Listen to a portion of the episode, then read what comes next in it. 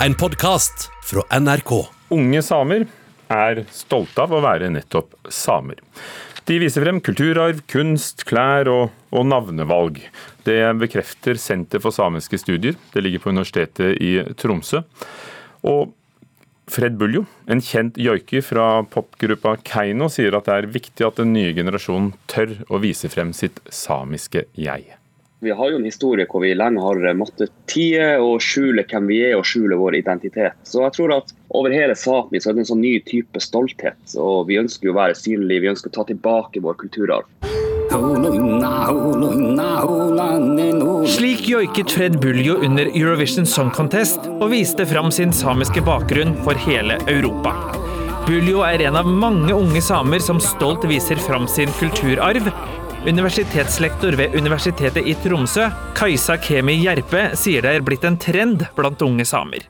Vi ser at det er en trend på, på flere måter. Noen gjør det ved å ta tilbake gamle slektsnavn f.eks., som kanskje ikke er i bruk lenger. Noen velger å, å bruke samiske klær og mote.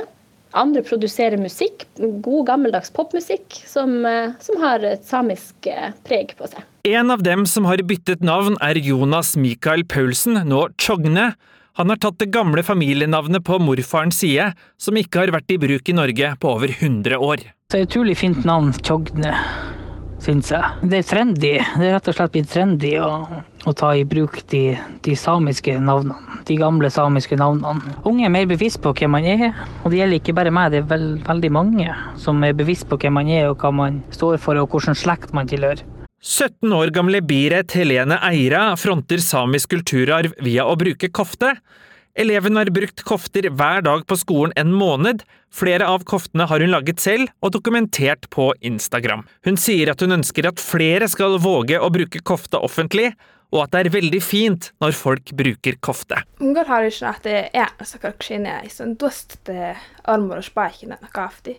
Mugulndal og smahan og histon vadsinje muninfus maide una har sagt hva vasi han gjede. Umver stædusje hui fingni skål om det vadskaftin. Hva er så forklaringen til at det nå er mange flere i den yngre generasjonen som eksponerer sin samiske identitet? Kemi Gjerpe mener det er flere grunner. Ungdom i dag har flere plattformer å vise sin identitet på, og det gjør nok at eh, ungdom blir mer kreativ. De eh, får flere måter å vise fram sin samiskhet på både med, med internett og sosiale medier, bl.a. Eh, og jeg tror at den, den, kreativiteten har nok alltid vært der, men den, kom, den er synligere nå med flere plattformer. Og Keinos Fred Buljo håper at bølgen av kreativ samisk ungdom bare vil bli enda større, og at enda flere vil sette samiske fotavtrykk. Jeg håper jo at det her skal fortsette, og at enda flere skal omfavne den samiske kulturarven og ta det tilbake. For det er fortsatt mange eh, skapsamer ute der som fortsatt ikke har tort å komme ut og vise hvem de egentlig er.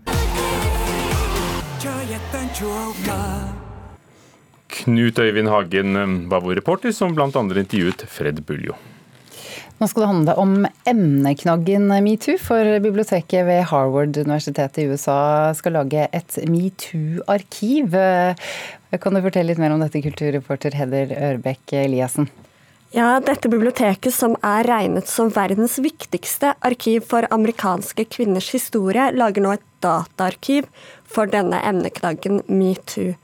Mens papir kan jo overleve i mange hundre år, så forsvinner en gjennomsnittlig nettside etter bare 100 dager. Derfor så er det jo litt viktig å bevare denne emneknaggen, sånn at den ikke forsvinner og blir glemt. Ja, og dette, Denne emneknaggen har etter hvert blitt en viktig del av historien?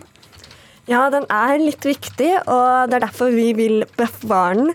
Eh, den tok av høsten 2017 etter at skuespiller Alicia Milano oppfordret folk til å fortelle sine egne erfaringer med seksuell trakassering. I første omgang så ble den brukt av en rekke kvinner som fortalte at de hadde blitt utsatt for seksuell trakassering eller overgrep av Hollywood-produsenten Harvey Weinstein. De neste årene så spredde kampanjen seg rundt om i verden, og eh, også her i Norge. Så hvor stort eh, kommer dette arkivet til å bli? Det kommer til å bli ganske stort. Ehm, de har samlet godt over 28 millioner twittermeldinger. Biblioteket har også samlet inn lokale og nasjonale nyhetsartikler, i tillegg til offentlige Facebook-meldinger. Og dette arkivet blir offentlig til våren. Kan det bli aktuelt å gjøre det samme her i Norge? Aftenposten de har spurt Nasjonalbiblioteket om vi kommer til å gjøre det samme her i Norge, men de har svart eh, så langt at de ikke kommer til å gjøre det her i Norge. Eh, de mener at det ikke ligger i deres mandat å arkivere temasamlinger som denne. Takk, kulturreporter Heather Ørbeck Eliassen. Kim Leine er en norsk-dansk eller dansk-norsk forfatter. Han vant eh, Petos eh, romanpris i fjor, og mm, vi legger ofte merke til ham, for han har fått mange lovord for bøkene sine, ikke minst eh, den som handler om Grønland, hvor han også har bodd. Nå har han, ja, og så fikk han jo Nordisk råds litteraturpris for 'Profeten i evighetsfjorden'. Marta Norheim, nå har Kim Leine skrevet dansk standard. Du har tidligere, og det er viden kjent, vært begeistret for Kim Leines bøker. Hvordan stiller du deg til dansk standard? Den er ikke særlig vellykka, men likevel så er den interessant. Altså Han drar jo gjerne opp det store lerretet, ikke minst i grønlandsbøkene. Her er han på et mye eh, mer intimt nivå. Eh, han skildrer to søsken eh, som er blitt utsatt for incest eh, av onkelen deres i barndommen. Eh, Seinere så reagerer de veldig ulikt på det. Hun blir akuttlege, og jo større skader som kommer inn, jo bedre er det for på en måte å bearbeide arbeide sine egne greier, mens han jobber i dansk standard, derav tittelen, eh, der det handler om å måle og, og kontrollere eh, tingene. Eh, begge to havner inn i ei sekt som har som prosjekt å gi folk evig liv, eller iallfall et mye lengre liv. Og det går langt. Det går over lik for å, å få til eh, også dette her. Så, så det blir en ganske ellevill historie. Det høres jo ganske drastisk ut? Ja, det er drastisk, og det er jo for så vidt gjenkjennelig. For ja, Kim Leine er en ganske drastisk eh, forfatter, skriver drastiske bøker i alle fall.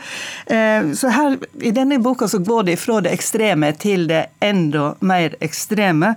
Eh, det blir en slags grotesk splatter, thriller. Eh, altså veldig mange ting som, som eh, blir lassa opp på hverandre. Galne sektmedlemmer, eh, komplott, intriger, veldig mye greier.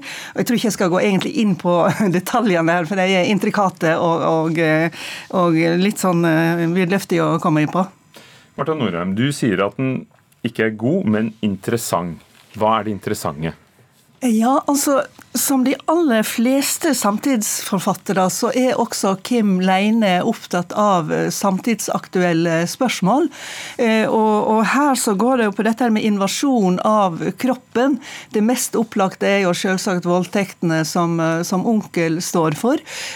Så er det at kroppen blir invadert både av planterike og av dyrelike, og da er vi jo over kanskje i, i det mindre realistiske, heldigvis. Men, men, det du kan si er at grensene deres blir krenka og de reagerer veldig ulikt på disse grensekrenkingene. Da.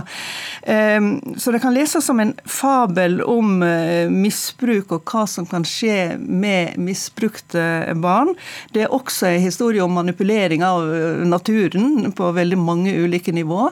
Eh, og du kan se det som en historie om sekter som bare ser sin sak, og som ikke ser tingene i den store sammenhengen. Og alt dette er jo viktig, men problemet er jo at han auser på med utrerte og etter hvert nokså billige effekter, som, som, han har egentlig kommet godt unna med tidligere, men, men som i, i, denne boka ikke, ikke, fungerer så bra. Det som fungerer best, er historien om uh, hvordan uh, disse to barna etter hvert voksne reagerer på den incesten, der han har funnet et nokså røft språk som faktisk fungerer. Men Kim Leine er et forfatterskap du, du vil følge med på? Absolutt. Takk skal du ha, Marta Norheim. Dansk standard heter boken, så vil jeg nevne to ting. Litteraturanmeldelsene finner du også på nrk.no. NRK.no bok. Og Kim Leine fortalte sin historie i sommer i P2. Det kan du høre på NRK radio. Det er litt av en historie.